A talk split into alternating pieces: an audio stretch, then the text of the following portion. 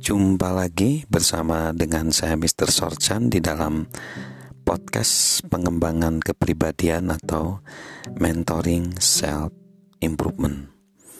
Cara memandang kegagalan dengan tepat. Yang kedua, orang menyangka kegagalan itu suatu peristiwa, padahal bukan. Ketika saya beranjak dewasa, saya menyangka kegagalan itu datangnya sekali waktu. Contoh misalnya ketika saya mengalami ujian dan mendapatkan nilai yang paling rendah, misalnya F, berarti saya gagal. Namun, akhirnya saya menyadari bahwa kegagalan itu adalah sebuah proses.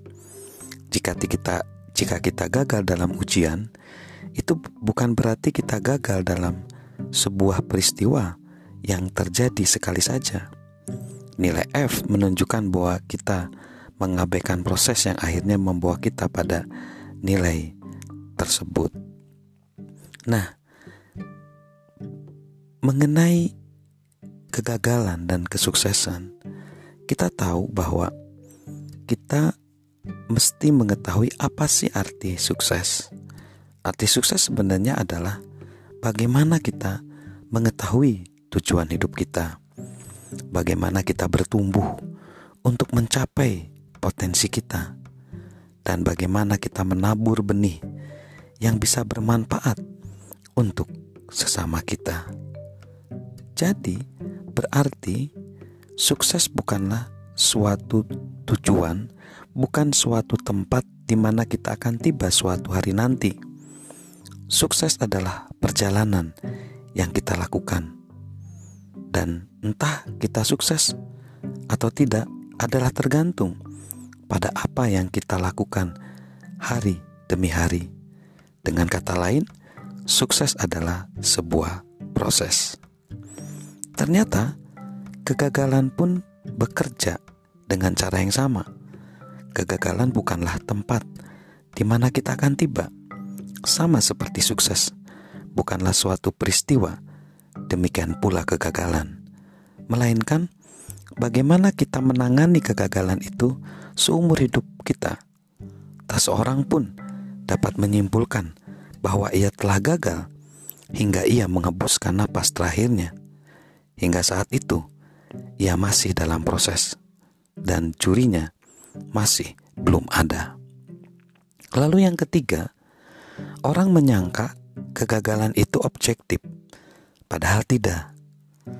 Jika kita keliru, entah kita keliru menghitung angka-angka penting, melebihi batas waktu, kehilangan suatu transaksi, membuat pilihan yang keliru menyangkut anak-anak kita, atau mungkin menjatuhkan sebuah bola. Apakah yang menentukan bahwa tindakan tersebut kegagalan atau bukan? Apakah kita memandang besarnya persoalan yang diakibatkannya, atau jumlah uang yang harus kita atau organisasi kita korbankan karenanya? Apakah ditentukan oleh seberapa jauh kita dimarahi oleh bos atau dikritik oleh rekan sekerja kita? Tidak. Kegagalan tidaklah ditentukan dengan cara itu. Jawabannya adalah bahwa kitalah satu-satunya orang yang benar-benar dapat mencap tindakan kita sebagai kegagalan itu subjektif. Pandangan dan respon kita terhadap kekeliruan-kekeliruan kita menentukan apakah tindakan kita itu kegagalan atau bukan. Tahukah kita bahwa para entrepreneur hampir tidak pernah sukses dalam usahanya yang pertama, atau yang kedua, atau yang ketiga.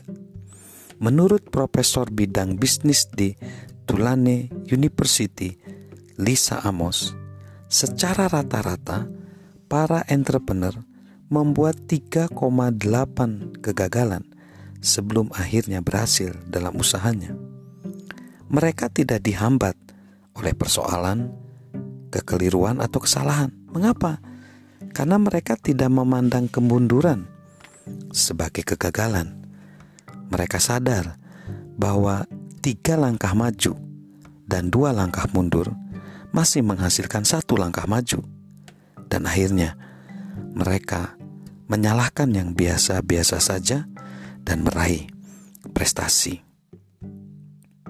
Itulah poin kedua dan ketiga, bagaimana kita membuat cara pandang baru terhadap kegagalan. Salam mentoring, salam sukses luar biasa dari saya, Mr. Sorchan.